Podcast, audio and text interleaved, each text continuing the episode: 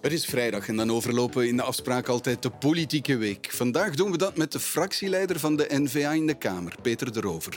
Met politiek journaliste Isolde van den Einde en met politicoloog Dave Sinardet. Welkom bij de afspraak op vrijdag.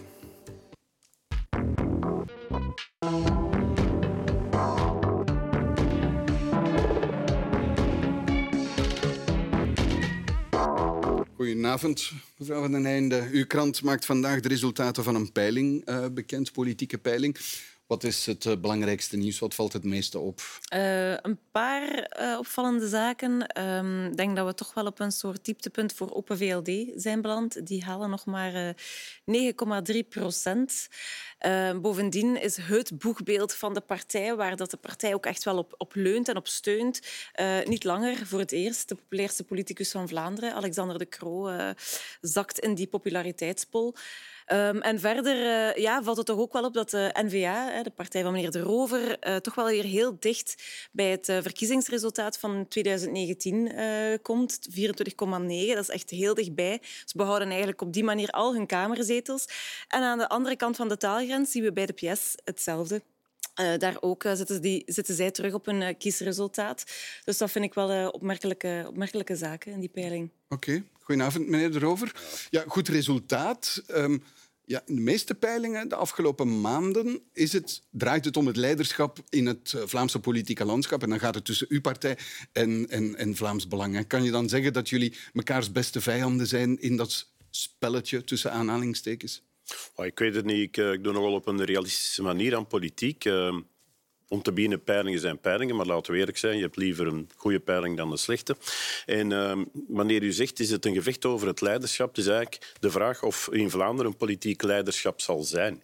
Want wanneer het Vlaams Belang als nummer één uit de bus zou komen, ja goed, de feiten zijn wat ze zijn. Het Vlaams Belang zal nooit uh, federaal enige rol van betekenis spelen. En dat zou betekenen dat Vlaanderen eigenlijk op dat ogenblik op het Belgisch niveau geen leidende partij heeft. Dus uh, alleen om die reden. En ja. uiteraard, omdat het mijn partij is, denk ik dat het een goede zaak is. Maar dat betekent wel dat... Die bal in onze richting rollen. Dat politieke partijen, peilingen, toch met argusogen in de gaten Ja, je volgt die, hè, omdat die ook uh, voor de achterban een boost geven of een, uh, of een ontnuchtering. Als we zien vorige peiling dat, uh, ja, dat het zelfs een voorzitterswissel heeft veroorzaakt, omdat CD&V onder de 10% zakte.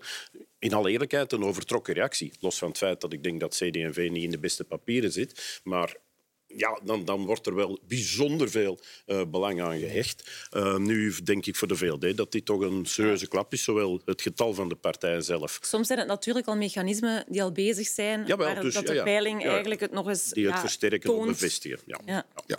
Goedenavond, uh, professor. Um, Goedenavond inderdaad, vorige peiling heeft gevolgen voor uh, CD&V. Nu heb je een, een, negatieve uitslag voor Open VLD. Vermoedt u dat dat ook gevolgen uh, zal hebben? Worden dat dan ook politieke realiteiten? Ja, ik zeg altijd, uh, peilingen creëren vaak meer politieke realiteiten dan dat ze die reflecteren. Hè? Want het verschil tussen bijvoorbeeld 9% in een peiling en 11 à 12 procent, ja, wetenschappelijk is daar eigenlijk geen verschil, want je zit met een foute marge. Nog los van het feit dat er ook nog andere problemen vaak zijn in de methodologie van peilingen. Uh, maar natuurlijk, symbolisch is dat wel een heel belangrijk verschil. Hè. Die 10%-grens is al symbolisch belangrijk. Ja, en dus inderdaad, ik kan mij inbeelden dat uh, deze peiling dan weer heel veel onrust gaat creëren binnen Open VLD, daar waar de vorige dat deed binnen, binnen CD&V kan natuurlijk ook gebruikt worden. Allee, bij de VLD gaat dat nu minder zijn, denk ik. Maar wat de vorige keer is gebeurd, is natuurlijk dat sommigen die Joachim Koens al naar de uitgang aan het duwen mm. waren, ja, dat die die peiling hebben gebruikt om het laatste duwtje ook te geven. Ja. Goed, vorige week, en dan gaan we naar ons eh, eerste onderwerp, uh, maakte um, ehm, N-VA-parlementslid Valerie Van Peel bekend dat ze niet meer opkomt bij de verkiezingen van 2024 en dat ze in september ook stopt als ondervoorzitter van haar partij. Ze vertrekt om persoonlijke redenen, maar ook omdat ze niet wou blijven inbeuken op die onbeweeglijke muren van het parlementaire systeem.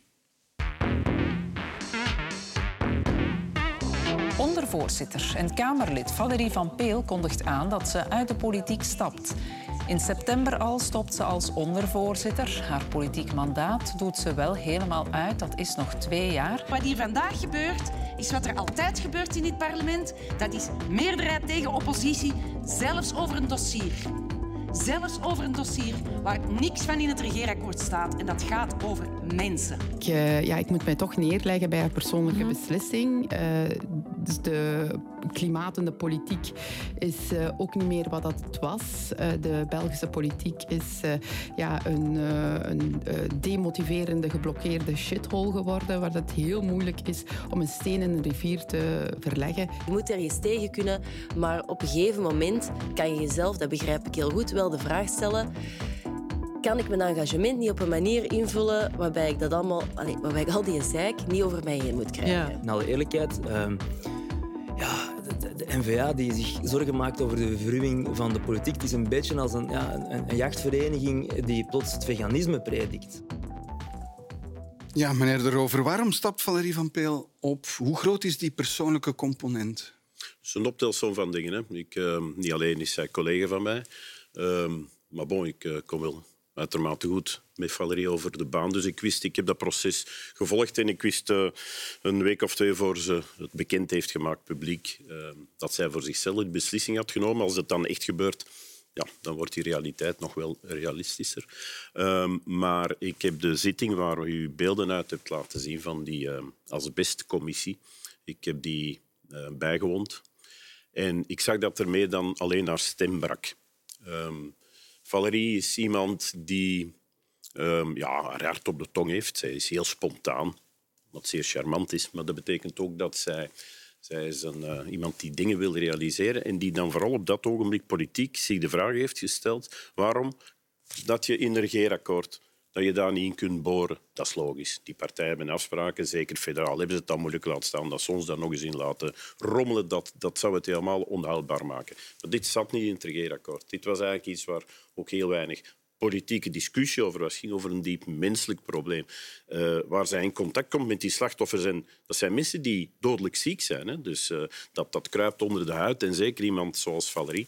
En als je daar dan op dat ogenblik zegt kan ik mijn tijd dan niet beter in andere dingen steken? En dat is de vraag die zij mij dus letterlijk heeft gezegd. Misschien kan ik ondertussen, enfin, ondertussen dan na 2024, wel zaken heel concreet aanpakken. Oké, okay, dan zal ik wel geen wetgeving kunnen wijzigen, maar kan ik misschien wel op het veld uh, mensen gaan helpen. En als ik daar een persoonlijke nota mag uh, toevoegen, ik heb 30 jaar lesgegeven mm. en pas dan ben ik in de politiek gestapt. Ik begrijp dat heel erg. Ik stel mij soms de vraag of ik in die 30 jaar voor concrete mensen, voor concrete mensen, mensen die je kan zien, die je tussen aanhalingstekens kan aanraken, uh, of je daar dan niet meer voor betekent dan wanneer je politicus bent en dingen doet waarachter ook wel mensen zitten. Maar ja, je ziet ze niet op het ogenblik dat je mee bezig bent. En als je ze dat wel ziet, zoals Valerie in dat asbestdossier, uh, en je kan dan die beweging niet meer maken, ja, dan stel je de vraag, kan ik misschien niet op een ander maatschappelijk terrein nuttiger bezig zijn? Is er uh, oh, sprake van een groter, breder probleem? Er zijn wel wat meer mensen die afhaken. Philippe de Bakker, Lorin Parijs, Peter de Dekker. Uh, is het breder ja, dat denk ik wel. Je hebt ook uh, enkele parlementsleden die uh, nog maar uh, enkele maanden in het parlement zaten, verkozen en dan de wissel hebben gedaan naar een kabinet van hun partijen, omdat ze zeiden van daar hebben we meer impact. Jessica Soort van Groen. Jessica Soort van Groen, Jan Bertels Jan van Bertels, Vooruit. Ja. Um, dus je hebt daar echt wel bij alle partijen, meerderheid, oppositie, zie je die beweging. Dus dat duidt sowieso op een veel groter probleem. En je hebt inderdaad het spel oppositie meerderheid. En dat zie je in heel veel dossiers. En daar zit je eigenlijk vast in. Um, en, en, soms gaat dat over individuele zaken of individuele ja, um, bewegingsredenen. Dat ik denk van sommige parlementairen, dat ik denk van kom aan, kan je daar nu echt niet overstappen? Want een ander dossier dat eigenlijk hier nog niet ter sprake of in de media echt ter sprake is gekomen, is het dossier van de, de gestolen adoptiekinderen van uh, Ingvild Ingels van NVA, die daar uh, heel hard voor gestreden heeft die daar eigenlijk me, ja, heel hard voor gestreden heeft. En op het einde van de rit raakt het wel erdoor. Maar alleen als zij zich terugtrok van de resolutie omdat zij van N-VA is en dat dat voor de PS niet door de deur komt. Dus dat vind ik eigenlijk wel iets heel jammer. Een soort ja, ook bekrompenheid, zal ik het zeggen, die, die in de rangen van sommige partijen in het parlement sluit. Ja, bekrompenheid. Uh, of is er iets, iets, iets helemaal anders aan. Zit die partijtucht in, in de weg? Maar het ging iets over iets dat buiten het regeerakkoord zat. Dus normaal gezien zou dat geen rol mogen spelen. Ja, en toch zie je dat dat inderdaad een rol uh, speelt. Allee, ik vind dat zelf inderdaad ook heel, uh, heel betreurenswaardig. Maar het is niet echt nieuw natuurlijk. Hè. Dus uh, particratie, de, de, ja, de, de, de mm -hmm. meerderheids- versus ja. oppositiedynamiek. Het is iets van toch wel alle tijden, ook van alle bestuursniveaus. Hè. Maar, maar ook het feit van, het is iemand van de NVA, we gunnen het hen. En waarschijnlijk wordt het in alle richtingen uh, gebruikt. Hè? We gunnen het en Ja, ik denk dat het inderdaad wel in alle, in alle richtingen speelt. Uh, Oké, okay, het kan zijn dat bepaalde Franstalige partijen dan een probleem hebben met de N-VA. Dat kan ik mij inbeelden. Maar dit is geen nieuw fenomeen. Het is ook geen fenomeen dat aan één partij vasthangt. Uh, trouwens, ja, de N-VA speelt dat spel ook mee. Hè? in het Vlaams parlement, ja. hè, waar N-VA de, de leidende partij is. Hè? Ook in, in de Vlaamse regering. Ja, daar zie je eigenlijk een instrument dat misschien wel een van de meest verregaande is in de beknotting van de macht van de parlementsleden. Dat is het zogenaamde zwijgakkoord. Dus in het Vlaams parlement is het zo dat je als uh, parlementslid van een meerderheidspartij geen, niet eens een initiatief mag nemen zonder dat dat eerst overlegd is met de fracties van de andere meerderheidspartijen. Dus je, je, je beknot je volledig je eigen vrijheid.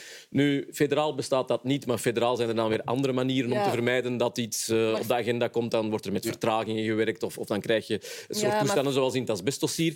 Maar, maar het is dus iets van alle partijen. Het is absoluut waar. Inderdaad, de N-VA heeft in deze, vind ik, ook minder recht van spreken, omdat het in het Vlaams parlement ook absoluut gebeurt. En mensen van N-VA in het Vlaams parlement klagen daar ook echt over. Maar federaal is er eigenlijk volgens mij, wat ik al gehoord heb, ook van Franstalige partijen uit de oppositie, wel een soort impliciet akkoord dat ze zo min mogelijk teksten van de oppositie goedkeuren, omdat eigenlijk ja, die regering het ook al met zeven zo moeilijk heeft, dat ze zich eigenlijk niet willen wagen aan ja, uitstapjes op die manier, zelfs al gaat het over zaken waar partijpolitiek geen enkele rol speelt. Ja. Dus je zit in die twee parlementen met eigenlijk mm. alle partijen alle partijen doen er eigenlijk aan mee. Het is dezelfde politieke Iedereen doet het, ja. meneer, meneer De Rover. Het is niet tegen ja. de NVA, het is gewoon iedereen doet het. Uw partij ook. Ja, ik zou toch uh, een kleine nuance... Want uh, ten eerste dat zogenaamde zwijgakkoord. Inderdaad, in de federale regering mag iedereen voorstellen indienen naar eigen goeddunken, maar daar komt dan ook niks van. Nee, dat heb ik ook gezegd. Hè. Wat, wat gebeurt er binnen die Vlaamse meerderheid? We bespreken dat eerst. En als we dat indienen, dan wordt het ook daadwerkelijk uitgevoerd. Dat is een andere manier van werken. Maar ik wil toch even opmerkzaam maken dat er twee onderzoekscommissies in het federaal parlement zijn uh, opgestart op initiatief van de oppositie. In het Vlaamse Met, parlement? In het Vlaams parlement. Nou, zei dat er, sorry, in het Vlaams parlement. Uh, dat er een hele reeks van resoluties zijn goedgekeurd nadat die zijn geïnitieerd door de oppositie en weliswaar dan in gesprek aangepast en geamendeerd. Dat is ook het voorstel dat Valerie heeft gedaan. En die daarna zijn goedgekeurd. Dus uh, ik ga niet zeggen dat de N-VA bestaat uit heilige woontjes ga ik niet zeggen. Maar ik zou toch wel willen, werkelijk op federaal niveau, dat men de, wat dat betreft de Vlaamse gebruiken zou navolgen. Dan zouden wij in elk geval aardig wat meer uh, kunnen meespelen. En ik herhaal het, buiten een regeerakkoord. Ja, maar, daar heb ik, daar heb ik ook wel een, uh, een, eigen dynamiek. Of aan de, de ene onderzoekscommissie is eigenlijk ook door iemand van de meerderheid oorspronkelijk gelanceerd, namelijk door, uh, door Zoual Demir. Zij heeft uh, en... dus aanstoot gegeven en aanstoot gegeven, zodat dat die ook daadwerkelijk is gekomen, maar die ging er natuurlijk ook komen. Um, maar ik stel vast dat um, ook op een ander vlak er toch wel een verschil van cultuur bestaat over het, de pandemie politiek die gevoerd is. Daar hebben wij op de Kamer ons nooit over het beleid. Ik heb daar maandenlang voor gevochten. Het was een puur een zaak van de regering. In het Vlaams parlement was dat een zaak van decreten. Ja. Die zijn daar maar in. Ja, maar, maar die ook gewoon even een ander argument uh, nog, zijn, uh, meneer ingediend. Mag ik ook een ander argument uh, nog proberen uh, op te halen? Is er ook geen probleem binnen de N-VA zelf? Onder een grote boom groeit geen gras meer. Ik heb... Ik, de verlenging van het mandaat van Bart de Wever is met zo'n grote unanimiteit goedgekeurd dat ik um, op zich niet denk dat de, de, verlenging van het mandaat van Bart de Wever een grote rol heeft gespeeld bij het vertrek van Valerie van Peel of het vertrek van Laurent Parijs. Wat ik wel denk, is dat er misschien wel bij sommige toppers, hè, want zo kunnen we ze wel allebei noemen, uh, die onlangs vertrokken, uh, misschien wel een, iets speelt van kijk, richting 24 um, gaan we naar een heel moeilijke situatie. Bart Wever richt al zijn pijlen op een ja, staatshervorming, um, een soort ja, crash en clash met, ja, in de politiek. Die moet leiden tot een, een ja, verdere regionalisering van het beleid. Um, maar ja, je hebt enerzijds dat. En misschien twijfelen enkele mensen, gezien ook de peilingen en de resultaten van bepaalde partijen die daar voorstander van zijn, of dat er wel zal komen. En bovendien zit je ook met een heel moeilijke budgettaire situatie, waar misschien sommigen ook van denken van wat gaan we kunnen doen qua beleid. Dus ik denk dat dat voor sommige ja, realpolitiekers um, misschien ook wel een soort uh, manier is om te denken van kijk, ze beloven mij misschien wel van alles, van ja, je zal dan minister kunnen worden en je ambities zullen waargemaakt kunnen worden, maar ze zien het misschien niet gebeuren. Ik denk dat dat een... Uh, een Meneer De Wever is al 18 jaar voorzitter. Hè? Ja. Twee ondervoorzitters hm? stappen op op heel korte tijd. Hè? Ja, maar ik zie wel dat hij nummer één is in de populariteitspols. Na twintig jaar is uh, de comeback-kit van, uh, van de politiek. Dus ongezien. En, dus het zou nogal sterk zijn... Dus daar kan je, je... ondervoorzitters aan opofferen dan? Nee, opofferen, nee. nee. En uh, het verhaal dat mevrouw Van den Einde brengt is een, een theoretisch verhaal waar ik mee ik kan me voorstellen dat sommigen zo denken hoor, want we staan in 24 voor een heel moeilijke klus. Het enige wat ik wel kan zeggen is dat dat in het geval van Valerie nog niet ongeveer heeft gespeeld. Dus dat is zeker geen uh, verklaring voor, voor wat daar gebeurd is. Ik denk in 24, als wij verantwoordelijkheid uh, kunnen nemen, dat Valerie meer dan ministrabel zou zijn. Uh, maar uh, ja, de betrokkenen zitten niet zo in elkaar om te zeggen, ja, dan wacht ik nog twee jaar, want dan kan ik misschien uh, uh, in, dat, in dat zeteltje gaan zitten. Zij um, ja, zat gevrongen met, met, de, met de dingen waar we het net over gehad hebben. onverminderd dat 24 een heel moeilijke klus wordt. En dat zeker in de politiek beloftes voor binnen twee jaar geen enkele betekenis hebben natuurlijk. Want, professor, u bent ook bezig geweest met onder meer de burgerbevraging die de federale regering heeft georganiseerd. Dat is het principe van burgerparticipatie, namelijk mensen, burgers, betrekken bij het beleid via een, een debat. Zijn, hebt u daar elementen in gevonden die een oplossing zouden kunnen bieden voor het eerste probleem dat we hier gevonden hebben, die partijtucht en, en, en het feit dat het zo moeilijk is om dat te overstijgen? Wel, we moeten nog zien uh, wat, uh, wat, de resultaten zijn. Hè. Dus die fase, daar zijn we nu nog niet. Maar ik denk wel, allee, als we inderdaad allemaal constateren hè, dat uh, de manier waarop onze representatieve democratie vandaag werkt in dit land, het feit dat parlementsleden onmachtige puppets on a string zijn, dat we eigenlijk meer leven in een particratie dan in een democratie, wat in toch wel, allee, er is toch wel een redelijk grote consensus over die analyse ja, dan denk ik dat het ook wel nuttig is om eens te kijken hoe we die democratie kunnen vernieuwen, kunnen verrijken. En uh, onder meer burgerparticipatie, als je dat op een goede manier doet, lijkt mij zeker wel uh, iets dat, uh, ja, dat, dat, dat, dat daartoe kan dienen. Hè. Er zijn ook nog andere mogelijke opties. U, u schudt van nee? Ja, ik ben daar absoluut, absoluut geen voorstander van. Ik ben het volledig eens met het eerste deel wat u zei van ja, we moeten kijken hoe dat we dat kunnen aanpakken. En dan denk ik dat je veel eerder naar partijfinanciering moet kijken, bijvoorbeeld. En naar ja, de vrijheid van parlementsleden en de partijtucht daarin. Maar burgerparticipatie Um, ik vind dat eigenlijk uh, zelfs een beetje een aanfluiting van de democratie. Want die mensen worden dan uitgeloot, uh, misschien tegen eh, hun wil in. Ik kan die als burger, als die iets poneren, helemaal niet wegstemmen. Ik zie eigenlijk ook wel um, het verschil niet met, met politici die eigenlijk niet meer zijn dan zelf ja, uitgeloten, verkozen burgers, want politici zijn burgers. Die ja, er is toch wel een belangrijk verschil. Hè? Die, die particratie die schakel je dan wel even uit. Ja, maar wat, tijdelijk. Wat, wat ben ik want het is niet de bedoeling dat die burgers in de plaats komen van politici. Het is de bedoeling dat die voorstellen kunnen doen. En uiteindelijk zullen het de verkozen politici zijn die beslissen ja, maar... wat ze daar al dan niet mee, ja, maar wat mee, mee aanvangen. Wat spiegel je die burgers dan voor? Ja, je mag even je gedacht zeggen, maar nadien trekken we toch... Uh... Wel, je kan bijvoorbeeld zeggen van dat de resultaten van zo'n uh, van zo'n zo burgerpanel dat die moeten besproken worden in het parlement, uh, door de regering, dat dat in de media aan bod moet komen, dat dat tot een publiek debat moet leiden. En goed, vervolgens, een beetje zoals de experts nu, er een aantal voorstellen worden gelanceerd. En goed, dan moeten we zien of daar een meerderheid voor bestaat of niet. Ja. Bijvoorbeeld in, in Ierland, misschien nog één ding, in Ierland, je moet het ook goed doen. Hè. Je moet echt via de de methode van deliberatieve democratie aan de slag gaan. En in Ierland heeft dat een aantal dossiers die echt jarenlang geblokkeerd zaten, die al splijtend waren, zoals abortus, homohuwelijk. Dat heeft daar echt tot een, tot een nationale verzoening rondgeleid. Die dossiers zaten ook vastgestrikt in, in een eh, web van partijpolitiek. En uiteindelijk ook via een referendum na zo'n uh, burgerparticipatie is men daar echt tot, tot uh, ingrijpende wijzigingen en tot goedkeuring van die, uh, van die maatregelen gekomen. Gelooft, dus, gelooft. Dus het, het kan echt wel zinvol zijn. Gelooft u? De professor zegt het kan zinvol zijn. Het kan knopen doorhakken die al heel lang hebben vastgezeten. Ierland is het voorbeeld dat hij citeert. Uh, in eerste instantie heeft, uh, is de burger niet overtuigd van het initiatief. 19.000 hebben er deelgenomen. Daarvan heeft een kwart na één vraag afgehaakt. Dus dit is een, een mislukte poging. Uh, in tweede instantie, en daar treed ik toch mevrouw Van den Einde heel erg bij, moet wel opletten dat we macht verschuiven naar instellingen waar we geen controle over hebben. Want je kan veel kritiek uitbrengen op, op de politiek. En ik ben de eerste die daarin meegaat. Maar politici, en laten we dan maar minstens zeggen politieke partijen, ze blijven toch wel om de zoveel tijd verantwoording moeten afleggen via die stembus. En dat is de grootste burgerparticipatie die er is, mm -hmm. die trouwens, naar mijn mening, ook niet altijd gevolgd wordt. Ik denk dat men eigenlijk naast de kwestie zit. Ehm, er is een probleem van... Ehm, wat is de rol van een parlement? Hm? Daar hebben we het net over gehad. Uh, maar er is ook een probleem van de geloofwaardigheid van de politiek. Ja? Ik heb altijd gezegd tegen mijn zoon, als ze vragen wat doet uw vader, moet je zeggen die is pianist in een, uh, in een oerenkot, want uh, dat ligt iets hoger qua, qua imago.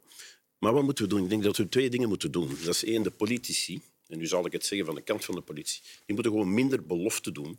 Want zij doen heel veel beloften in verkiezingsprogramma's enzovoort, die ze eigenlijk gewoon niet kunnen waarmaken. Het hele idee dat de hele samenleving met wetten en decreten um, in een goede plooi kan gegooid worden. Dat wij mensen gelukkig kunnen maken. Want zelfs die illusie wordt eigenlijk gekoesterd. Dat is een foute illusie. En als we die belofte terugschroeven en anderzijds, wat we wel kunnen doen, ook daadwerkelijk doen. Ik denk bijvoorbeeld aan een justitiebeleid. Want er gebeuren wel dingen in het parlement, hoor. We moeten de zaken ook niet zwart-wit zetten. Al is het maar in inderdaad die oppositierol. Wanneer uh, wat de minister van Justitie van Quickenborne deze week heeft meegemaakt, dat is, uh, hij is moeten buigen voor de feiten die aangeklaagd zijn, onder meer in het parlement, voor het feit dat hij wel veel aankondigt, maar dat dat justitieapparaat nog altijd niet doet wat je als mens ervan mag verwachten. En dan zitten we wel bij de dingen waar politici eigenlijk voor zouden moeten zorgen dat iemand die de wetten overtreedt mhm. daadwerkelijk A. gepakt wordt en B. veroordeeld wordt, C. gevangen gezet wordt en zijn tijd uitdoet. Ja. Dat zijn de, de basis. Geen beloftes meer of stoppen ja, met... geen beloftes niet. Ja, maar dat, stoppen met... Re... ja, maar de beloftes op zich duidt op het grotere politieke probleem. Dat is niet echt per se het parlementaire probleem nee, nee, ook waar ja, het stopt. Mm -hmm, dus mm -hmm. ja, daarop inderdaad, dat volg ik volledig. Ja, inderdaad, minder beloftes doen, minder uh, sommen geld uh, voor alles beloven. Uh, onder meer nu in de koopkrachtdiscussie. Maar ja, ik geloof wel dat er in het parlement zaken gebeuren, maar het is te rigide. Je hebt ook die partijtucht en dat heb je in alle partijen eigenlijk, ook bij de N-VA. Ja. En dat was ook in de regering Michel zo. Um, maar je hebt ook inderdaad die partijfinanciering. Als je ziet dat zelfs de fractietoelagen, die eigenlijk de parlementaire werking moeten ja, helpen, die, die komen niet altijd bij, die komen niet terecht bij de verkozenen des volks, die komen bij de centrale partijen terecht. En die ja, beslist daar eigenlijk bijna is, over. Is dat de sleutel? Of een van de sleutels? Uh, dat is ongetwijfeld een van de sleutels. Maar daar zie je, zit je natuurlijk met het gegeven dat dat volledig vastzit. Omdat het de partijen zelf zijn ja, voilà. die uh, hun eigen financiering moeten afnemen. Ja. En daar denk ik dus dan bijvoorbeeld ook ligt van... bij hen zelf? Ja, uiteraard. Ja. Maar daar denk ik dan bijvoorbeeld ook van... Stel dat je daar nu eens een burgerpanel zich echt over laat buigen. Hè? Uh, niet gewoon de mening vragen online en zo, echt, maar echt mensen bij elkaar brengen die in contact brengen met experten partijfinanciering, met ook verschillende partijen en anderen.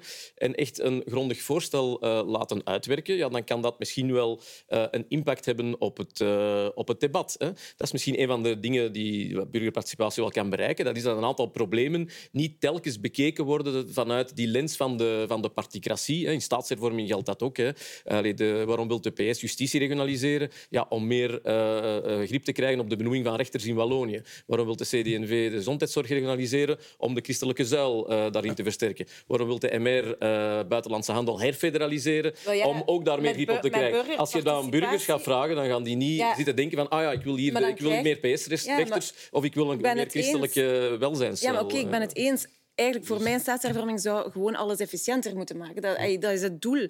Maar, maar wat denk je? Dat, dat partijen, nadat ze de burgers hebben aangehoord, gaan zeggen van hatja, nu gaan we die wel eens eh, volgen, terwijl dat we heel goed programma kennen van een partij zoals N-VA, die een verdere regionalisering wil. En we weten dat de PS dat ook wil en vooral een failliet wil vermijden. Ja, dan weet je dat dat gewoon uiteindelijk het, het, plan is dat op tafel zal liggen. En dan vind ik het eigenlijk een beetje erg dat je burgers consulteert en, en, en hen het eigenlijk een beetje aantoont of aangeeft van oké, okay, we, we, luisteren naar je en we gaan zo de democratie versterken. Nee, zo versterk je het helemaal niet. Okay. Ja, je moet er wel rekening mee houden, absoluut. En je moet ook dan als, als daar hebben we verkiezingen voor. uitleggen waarom je iets niet gaat doen. Je houdt in, in, in, in de essentie hou je rekening, want inderdaad het verschil tussen de ene politicus en de andere. Ik denk dat er ook van burgers veel gevraagd is om bij verkiezingen eh, de hele dingen af te wandelen. Uh, maar ik denk dat er een aantal dingen weet je toch wel als je voor een NVA stemt, als je voor vooruit stemt. Zijn er toch wel een paar grote lijnen die je kent waarvoor die dingen staan.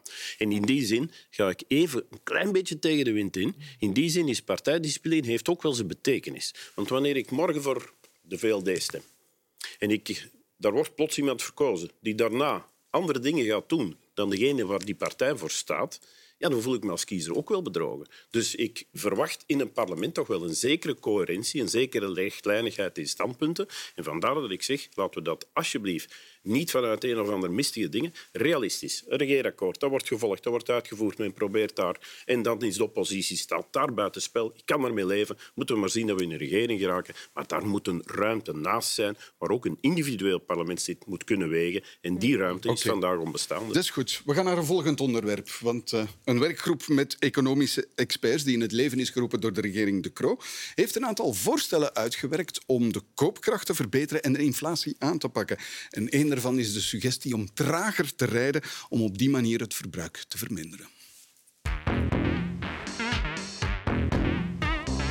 Wat met dit rapport duidelijk is, is dat de maatregelen die je moest nemen heel snel om mensen te beschermen, die maatregelen die zijn genomen.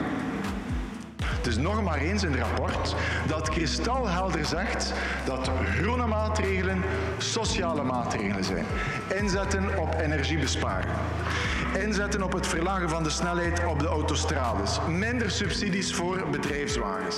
Ik zou wel graag kijken hoe gaan we ervoor zorgen dat we de prijzen voor de mensen absoluut een beetje betaalbaar houden. En dan ga je moeten kijken naar bedrijven die overwinst te maken. Het gaat niet over een beetje geld. Hè. Zelfs als Engie een beetje van een overwinst, een overwinst moet afgeven, zal ze nog altijd miljarden winst maken. Hè. We zijn onszelf heel veel problemen aan het aanpraten. Mhm. Dus België is een van de enige landen in Europa met de automatische indexering en met statistisch duidelijk geen probleem van koopkracht. Dat wil niet zeggen dat er geen groepen zijn met een, een koopkrachtprobleem, maar algemeen is er geen probleem. Nee, het is niet waar dat de index de koopkracht van de mensen genoeg beschermt.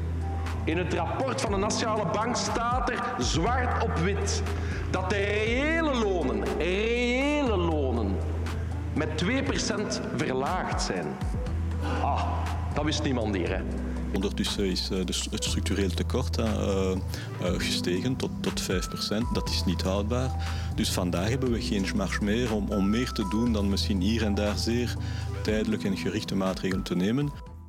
Ja, mevrouw Van den Einde, experts. Um, ja. geroepen door de regering. Wie, wie zijn dat dan? Het zijn uh, vier Nederlandstaligen, vier Franstaligen. Dus een uh, mooie taalkundige pariteit, uh, zoals het hoort bij zo'n eh, federale regering. En dat zijn eigenlijk ja, mensen die aangeduid zijn door de partijen in de regering. En dat zie je ook wel. Geef eens, geef, eens, wat namen. ja, Pierre Moenge is natuurlijk iemand die ja, zijn carrière begonnen of, of allee, groot is geworden bij, bij DJ Reinders op het kabinet. Ja, um, ja Philippe de Feit is eigenlijk zelfs ecolo-voorzitter geweest in de vorige regering uh, Verhofstadt. Paul de ehm, Grauwe zit er. Uh, Paul de Grauwe, ja, die heeft een verleden bij Open VLD, maar ik denk niet dat vandaag veel Open VLD'ers nog nee, met zit, Paul de Grauwe dwepen. Die maar, zit er voor vooruit. ja, zou ik toch eerder denken. En ja, dan heb je nog de arbeidsmarktspecialiste die door CD&V daar is gezet. Dus je ziet, eigenlijk heeft ja, elke partij iemand uitgekozen van wie dat ze weten van ja, die opvattingen. Um, dat zijn ook geen, uh, geen uh, compleet neutrale mensen, hè, economen. Ja. De, je kan daar eigenlijk, je zegt vaak van uh, vraagt aan twee economen een, mening, een, een, een vraag en je krijgt drie meningen. Dus ja, ik, dat is, ik vraag me af, zeker als ik de maatregelen zag, die enerzijds bijzonder vaag waren en ja, die volgens mij ook niet allemaal over koopkracht gingen, maar anderzijds dacht ik ook van, ja, hadden we dit nu nodig? Met alle respect voor uh, de expertise van die experts, die allemaal grote en bekende namen zijn. Maar ja, dit kon de politiek ook niet alleen de politiek. We hebben nog wel wat. We hebben de Nationale Bank, we hebben de Hoge Raad voor mm. Financiën, we hebben een monitoring, monitoringcomité, we hebben de OESO. Mm. Allemaal um, adviescomité's, de ene al wat belangrijker en mm. institutioneler. Hebben we dan ook zo'n groep experts nodig? Ja, deze specifieke groep nu misschien niet, maar eigenlijk met experts is het voor mij een beetje hetzelfde als met burgers. Ik denk dat het wel goed zou zijn als we onafhankelijke expertise ook meer structureel zouden inbedden in het beleid. Nationale Bank is geen uh, deze als het over het sociaal-economisch beleid gaat. Dat kan hier inderdaad interessant zijn, maar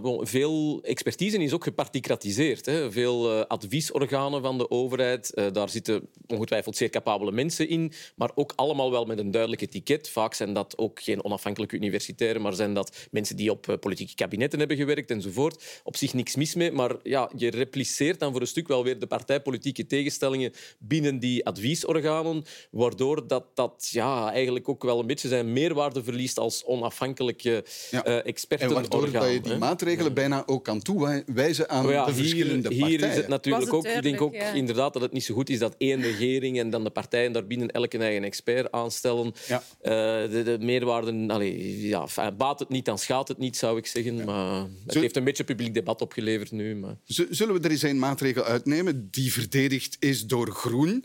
Namelijk, we moeten met z'n allen trager rijden op de snelweg. Zo verbruiken we minder. En dat is goed, niet alleen voor de portemonnee, maar ook voor het klimaat. Ik heb daarnet een, voorde- een voordeel van politici ontdekt. Een politicus komt tenminste uit voor zijn kleur. Dan weet je tenminste waar hij van zit. En in al die expertgroepen zitten ook mensen met meningen. Onafhankelijk, ja. Ik zal niet zeggen dat die eh, eerst bellen, maar die hebben ook een mening. Die hebben ook een overtuiging. En dat is wat ik eh, de premier onmiddellijk heb verweten. Dit was geen expertengroep om oplossingen te krijgen. Dit was een expertengroep om tijd te winnen. Want eh, er is niks verrassend uitgekomen. We struikelen over de rapporten. Er is niks verrassend uitgekomen. En bovendien, nog interessanter, gisteren in het parlement heeft ongeveer elk van de meerderheidspartijen, behalve VLD, die zijn niet tussengekomen, daar een eigen lezing aan gegeven.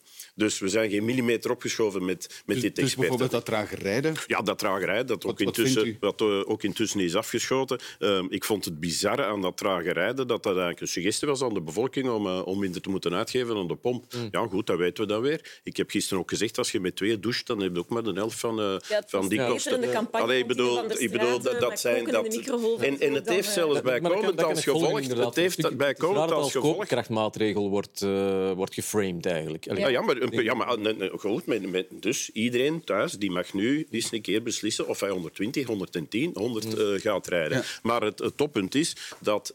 Ik, ik begrijp eigenlijk niet dat men dat voorstel erin geschoven heeft, want dat heeft dan zo'n betekenis gekregen. Hè? Het is het eerste dat u nu bijvoorbeeld noemt, maar het is wel ongeveer het minst belangrijke dat daar eventueel Maar het is zou kunnen heel con- instaan. Maar het is heel concreet. En Dit ik denk dat we vandaag natuurlijk. niet nodig hebben wanneer de bevolking al onder zware druk staat, voor een stuk terecht uit angst en een stuk eh, onterecht uit, uit, uit vermoedens van wat nog gaat komen, dan moet je de mensen toch niet zeggen... En de oplossing zit er nu in, dat je nog eens 20 kilometer minder op de autostrade Oké, gaat rijden. vindt, vindt u het een goede maatregel?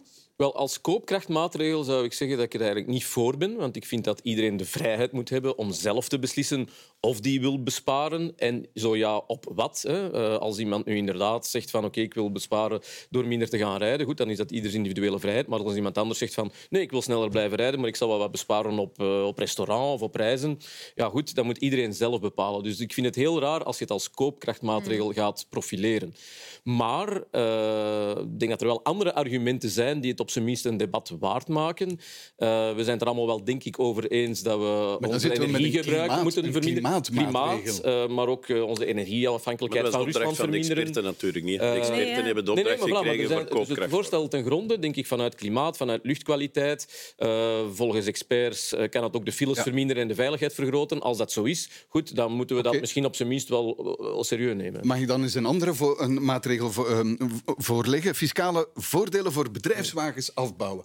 Ook als koopkrachtmaatregel. Ja, vind ik ook Ja, vind ik ook weer raar als koopkrachtmaatregel, maar ik Ja. denk wel dat dat een hele goede zaak zou zijn. Ik pleit daar al een aantal jaren voor. Hè. Net vanuit hetgene dat ik net zei, hè. eh, vrijheid voor de consument. Hè. Eh, hier ga je mensen in plaats van in euro te betalen, hè, waar ze zelf kunnen kiezen of ze daar een auto mee kopen of op restaurant gaan of op reis, ga je mensen uitbetalen in auto. Hè, Omdat de waardoor de op- vrijheid vermindert. Ja, dat is En tot daartoe nog. Hè, maar bovendien heeft dat natuurlijk heel veel schadelijke maatschappelijke gevolgen. Hè. Kent u één partij die openlijk zegt... Wel, onze doelstelling dat is eigenlijk om ervoor te zorgen dat zoveel mogelijk mensen zoveel mogelijk de auto gebruiken. Kent u één partij die dat zegt? Nee. Maar dat is wel het gevolg van het systeem van fiscale subsidiëring van okay. salariswagens, want dat is het dan.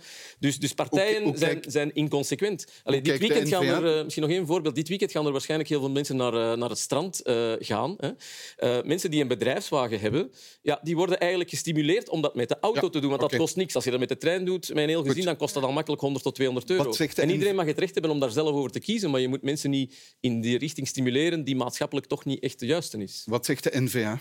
Wel, als ik dat allemaal hoor, is het misschien verstandig om de, de lasten op arbeid te verminderen, zodat men mm mensen echt in centen kan uitbetalen. Ja. Absoluut. Maar dat is wel de discussie. Het is niet de discussie om mensen een looncomponent te gaan afnemen.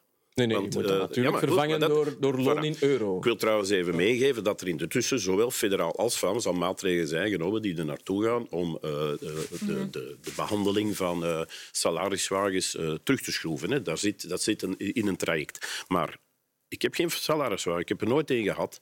Um, mensen uit mijn familie die er wel een hebben, zijn echt geen toppers. Het zijn jonge mensen met een nee, maar goede job. Het blijft Als vreemd we daar... mensen met auto's betalen. Natuurlijk is dat vreemd. Dat is zelfs een beetje 19e eeuws. Hè? Een kruik Genever ja. uh, op het einde van de week. Maar dat is natuurlijk als alternatief voor de torenhoge lasten die erop zitten. Daar zit het probleem. Het probleem zit niet in de salariswagen. Als een loonsverhoging een beetje betaalbaar zou zijn, voor de werkgever en de werknemer zou er een klein beetje van overhouden, dan zou die helemaal niet voor een, een, uh, voor dus een bedrijf Bent u voor de maatregel of niet?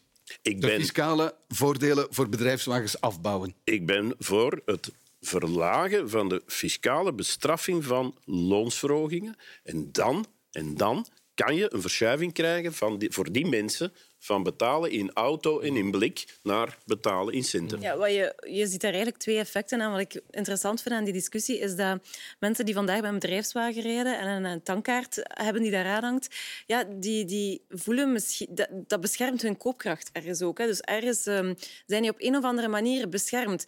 Het negatieve is, is dat, dat de kloof veel meer vergroot met mensen die er geen hebben. En, en ja, daar zit je eigenlijk met een soort crux door dat hele systeem dat uh, op poten is gezet geweest, net omdat inderdaad de lasten op arbeid zo gigantisch hoog zijn. We zijn daar bijna wereldkampioen in. En, en ja, daar zit je, denk ik dat dat de kloof in de samenleving tussen, zelfs binnen de middenklasse, dat dat, dat enorm vergroot. Ja, ik ga nog een maatregel voorleggen. De overwinsten van de energiebedrijven aanpakken. Uh, staat ook in, in die maatregelen. Bent u daarvoor? U zegt uh, heel juist de overwinsten van energiebedrijven. Dat is dus een discussie die we nu hebben omwille van uh, de, ja, de meestal wordt Engie ja, ja, ja. ja. Maar, maar energieproducent ik, ik bedoel, als eerste Ik bedoel daarmee, dan zien we dat we het hebben over geen structurele aanpak van het idee winsten. Want daar ben ik op tegen. Bedrijven mogen winst maken, moeten daar belastingen op betalen, uiteraard. Maar winststreven is, uh, is niks fout. Als je in een bepaalde situatie, zoals nu, een bepaalde groep bedrijven kunt isoleren en je kan daar maatregelen nemen, zodanig dat die in die korte periode, omwille van de winsten die ze maken, ja, voor een stuk op de, op de kap de ellende van, van, van de middenklasse, uh, dan denk ik dat er moet bekeken worden. Maar, maar... Dus u bent voor? Ik herhaal het. Niet als structurele maatregel nee, tegen het winstenidee. Nu? Maar, dus ik denk dat die overwinsten, zoals die nu geboekt worden, dat die... Uh, maar één, wat ga je met die centen doen? Ga je die ook weer naar de overheid laten vloeien of ga je daar een belastingsvermindering tegenover plaatsen? Wat zijn dat is een eerste vraag. Twee, en dan komen we bij de vraag, wat zijn overwinsten? Hoe ga je die isoleren van andere winsten? Ja. En hoe ga je dat concreet je ook, doen? Je kan dus ook ik denk dat... die, die, kerncentrales overnemen. Heeft ja, Engie ook voorgesteld. En dan, dan kan je het zelf regelen. Ja, maar dat is, dat is, heel interessant. Dat is een totaal andere discussie. Dus het idee van als men in een bepaalde situatie buitensporige winsten maakt op eh, de ellende van mensen, daar kan ik mee leven. En dan komen we in de concretisering. En nu kom ik terug op wat ik daar straks heb gezegd. Voor we het weten zijn we weer beloftes aan het doen die we eigenlijk, als het erop aankomt, niet kunnen waarmaken en waarna de burger terecht zegt je ging de overwinsten toch belasten. Terwijl waarschijnlijk elke vakman en vrouw zegt, ja, dat is mooi gezegd, maar kan dat? Dus ja. ik vind dat je dan als politicus zeker, de uitvoerbaarheid en, eerst moet en bekijken. En zeker op dit moment De regering is vandaag aan het onderhandelen met Engie voor de verlenging van kerncentrales. Dat is een super moeilijke discussie. Dat, dat stond in de sterren geschreven, maar dat gaat heel moeilijk. Je hebt het daarnet al gezegd. Uh, ze vragen een participatie van de federale regering in die kerncentrales. Dat heeft heel wat kosten, uh, misschien ook wat winsten tot gevolg, maar dat is allemaal nog vloe. Um, en dus op dat moment dat je eigenlijk Engie moet overtuigen om toch, als alsjeblieft, als het even kan, de kerncentrales te verlengen. Nadat twintig jaar dat dossier zo mismeesterd is geweest en dat die, dat bedrijf ook van geen houtpijlen nog wist te maken uiteindelijk, ga je gaan vragen van, ah, jongens, ja, maar als je, als je hier vestigt, ja, dan gaan we toch wel wat afromen, want uh, dat kan toch niet de winsten die jij boekt. Ja, daar zit je toch wel in een zeer moeilijke positie, hoor. Zitten we dan niet um, in een soort aankondigingspolitiek, ondanks wat, de steun die voor experts geeft, maar is deze commissie dan niet toch een beetje geweest laten we, wat meneer erover zei, de tijd wat vullen en wat maatregelen uh, suggereren in een soort aankondigingspolitiek. Ik kan bijna geen ander woord gebruiken. Ja, dat kan best inderdaad de politieke drijfveer geweest zijn. Hè. Uh, nu, ik ga er wel van uit, als die experts dat uh, voorstellen, dat ze dat dan toch wel wat bestudeerd hebben. Uh, ik stel vast dat de Nationale Bank daar ook een beetje warm en koud over heeft geblazen de ja. voorbije weken. Dat ze eerst zeiden, want het is niet mogelijk en nu misschien toch weer wel. Geert, Geert Noes zei, die overwinsten gaat de, grond, de toets van het grondwettelijk hof niet doorstaan. Ja, en dan anderen zeggen weer dat het dan toch wel kan. Ik, uh, ik ja, ben daar ik, zelf niet genoeg voor bevoegd om, om mij daarover uit te spreken. Ik stel vast dat er, dat er verschillende meningen over zijn, maar ik deel wel, uh, ja, ik deel wel de bekommernis dat uh, als zoiets inderdaad beloofd wordt aan de bevolking, ja, dat je dan best wel eerst zeker bent dat je het effectief kan waarmaken. Hè. Ja. Goed, laten we nog even kort naar Oekraïne gaan. Volgende week moeten de Europese leiders beslissen of Oekraïne lid mag worden van de Europese Unie. En na de treinreis naar Kiev steunen de Franse president Macron, de Duitse kanselier Scholz en de Italiaanse premier Draghi alvast het idee. De Franse president Macron, de Duitse bondskanselier Scholz en de Italiaanse premier Draghi zijn samen naar Oekraïne gereisd. Tous les quatre, nous soutenons le statut de candidat immédiat à l'adhésion à l'Union européenne pour l'Ukraine. Кожен день затримки або відкладення рішень, можливість російських військових вбивати українців або можливість руйнувати наші міста. Український народ абсолютно, абсолютно його більшість чекає на звільнення нашої території, території України. We have one clear message. And that is yes, Ukraine deserves European perspective. Yes, Ukraine should be welcomed as a candidate country. Ja, meneer De Rover, voor of tegen de toetreding van Oekraïne? Denkt u echt dat dat er nog toe doet? Wat denkt u? Nou, ik heb daar drie mannen uh, de beslissing zien nemen.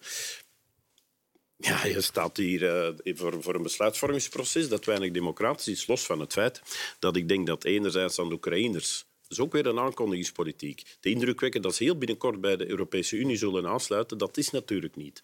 Anderzijds ben ik er helemaal voor, uh, mee akkoord dat we uh, die optie niet moeten afsluiten voor die mensen. Hè. Uh, geen misverstanden erover. Maar ik vrees dat men de Oekraïners iets nu een indruk gaat wekken. Mevrouw van der Leyen ging daar in enkele weken geleden nog veel verder in. Ja. Het kwam met een spoedprocedure die helemaal niet bestaat. Dus wat zegt de realist in mij? Dit is een proces van tientallen jaren.